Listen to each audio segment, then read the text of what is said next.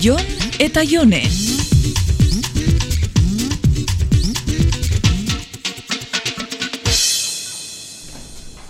Ze maja zurina, eh? Nitaz akordatzen zen. Mm, zurine oso simpatika da, bai, batez be mutilekin. Gehiagotan etorri beharko dut. Bueno, Jon, kontua da, naturian ezagutza kanpaina bat ipini behar daula martxan, ikastola eta eskoletan. Bale. Ta, Ta honezkero biderauta dau eslogana. Hauxe. zaindu maite duzun hori. Bale, ruperri kopiatu diozue. Guk ez etzau kopia, hori inguru giro saileko goikaldetik dator. Bai, ba, argi dago zuen jefetako bat behintzat ruper zalea dala. Kontua da, esloganakin batera, pasau deskuen irudisa, neri behintzat oso eskasa Zein? iruditzen jata. Au! ez, ez zaizu iruditzen ez, oso eskasa da. Bankutako egutegietan ateratzen dituzten argazki ñoño hieteko bat irudionek.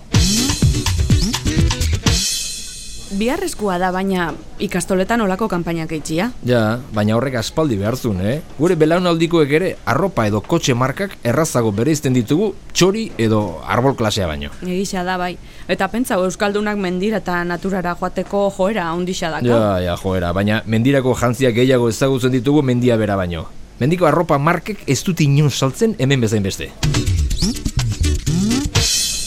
Jon, gogoratzen lehen berba indakuaz, Mm, zertaz? hori marken asuntuaz. Mm, eristen jata hor badaula zeo zer, zeo zer egin geinkela idea horrekin. Mhm, Ondo da, ba? Bururatzen ari jata, akaso eskoletan hasi geinkela programa modoko bat idea horrekin, markak eta loguak eta natura kontuak ba, jolas baten moduan. Mm, Bale, bale. Komentau nahi netzun eta, bueno, baimena eskatu. Baimena? Bai, zuk bota dozu ideia. Nik ideia bota. Aizu, esan dudan eozer gauzek zerbaitetarako balio izan badu, nahi duzun bezala erabili, eh? Ja, baina minimoa baimena eskatzia da. Bale, bale, bai, aizu, eskertzekoa da, eh? Ta espero dut Ruperri ere baimena eskatuko diozuela. Edo behintzat haren musika erabili kanpainarako.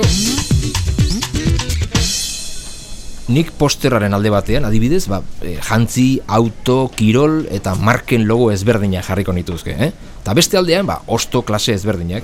Ea batetik zenbat izendatzen dakiten eta zenbat bestetik. Mm, Hiri eta herrixetan seguruenik emaitza desberdin aukiko dugu. Bera, nik uste markak denek ezagutu dituztela. Ta akaso, herri oso txikitako aurrek bereiztuko dituztela osto batzuk. Gero, gauza bera ingeinke, ba, adibidez, txori motekin eta arrain desberdinekin. Mhm, ez eta Ruperren kantuaren letrekin ondo aldator guzti hau, eh? Zaindu maite duzun hori. Nik uste baietz. Bai, bueno, egia da, bai. Eza, ezagutzen duzuna maitatzea errazagoa da, ez da? Z- Zer? Ba, ezagutzen duzuna maitatzea errazagoa dela. E, bai, ba hori be erabili geinke. Mm, egia handia da, bai. Eta personekin ere gertatzen da. Zertaz ari zara oin? Be bezerrez, burutazio besterik ez. Zaindu maite duzun hori Zaindu maite duzun hori